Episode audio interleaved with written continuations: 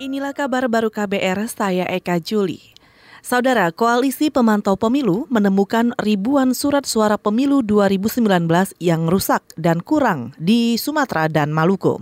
Menurut Koordinator Nasional Jaringan Pendidikan Pemilih untuk Rakyat atau JPPR, Alwan Ola Rian Tobi, kebanyakan yang rusak dan kurang adalah kertas suara capres dan cawapres. Ia khawatir jika tidak ditangani cepat akan berdampak pada jumlah suara. Ia juga menyayangkan sikap Komisi Pemilihan Umum atau KPU ataupun Badan Pengawas Pemilu yang tidak mengantisipasi sejak awal. Padahal masalah seperti ini terus berulang. Ada beberapa daerah di Sumatera Utara, di Jakarta, ada sekitar 15.231 lebih surat suara presiden yang yang rusak dan dalam tanda uh, warnanya tidak jelas. Bagi kita adalah uh, DPTB terbanyak itu kan pengguna hak pilih yang surat suaranya presiden. Nah, kalau surat suara presiden ini banyak yang mengalami kekurangan dan rusak, saya kira ini akan berdampak pada jaminan hak pilih orang. Pada sisi lain, Menurut Koordinator Nasional JPPR Alwan Ola Riantobi, jika pemerintah ingin melaksanakan pemilu yang berkualitas, maka ketersediaan logistik di setiap daerah harus terpenuhi.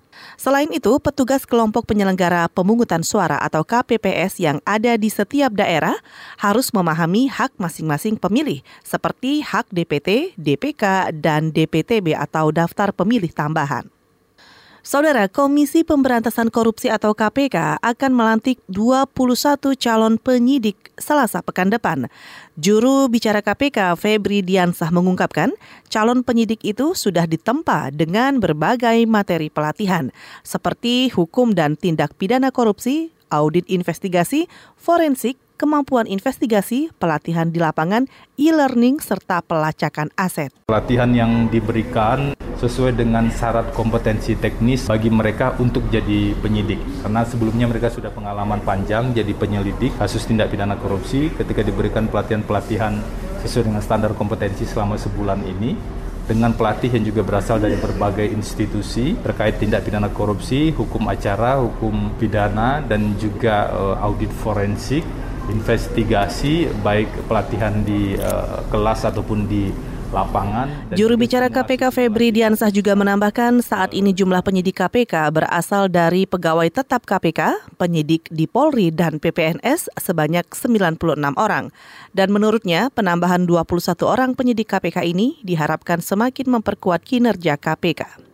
Saudara, sebanyak 12 rangka manusia dan puluhan benda purbakala seperti tempayan dan mangkok ditemukan dalam penggalian di situs Lambanapu, Nusa Tenggara Timur arkeolog senior dari Pusat Penelitian Arkeologi Nasional Retno Handini mengatakan temuan rangka manusia dan kubur tempayan itu ditemukan dalam penggalian yang telah berlangsung selama 10 hari. Temuan yang sangat spektakuler kemarin kami temukan adalah ada mangkok perunggu dengan dengan rangka anak-anak di dalamnya tapi demi alasan keamanan terpaksa kita angkat karena kalau itu rusak uh, takut membuat temuan-temuan lainnya malah berantakan. Arkeolog senior Retno Handini menambahkan penggalian di situs Lambanapu akan dihentikan sementara.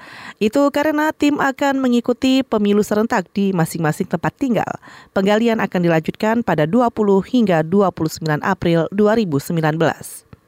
Kita ke berita olahraga. Pelatih Juventus Max Allegri menaruh harapan pada Cristiano Ronaldo dalam laga lawan Ajax Amsterdam di leg kedua perempat final Liga Champions. Juventus belum berada di posisi yang aman dalam perburuan tiket semifinal lantaran hanya meraih hasil imbang 1-1 pada leg pertama di Amsterdam pekan lalu.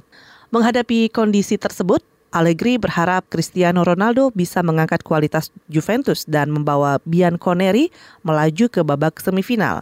Allegri juga berharap Juventus bisa tampil sebaik ketika mereka menghadapi Atletico Madrid di babak perempat final.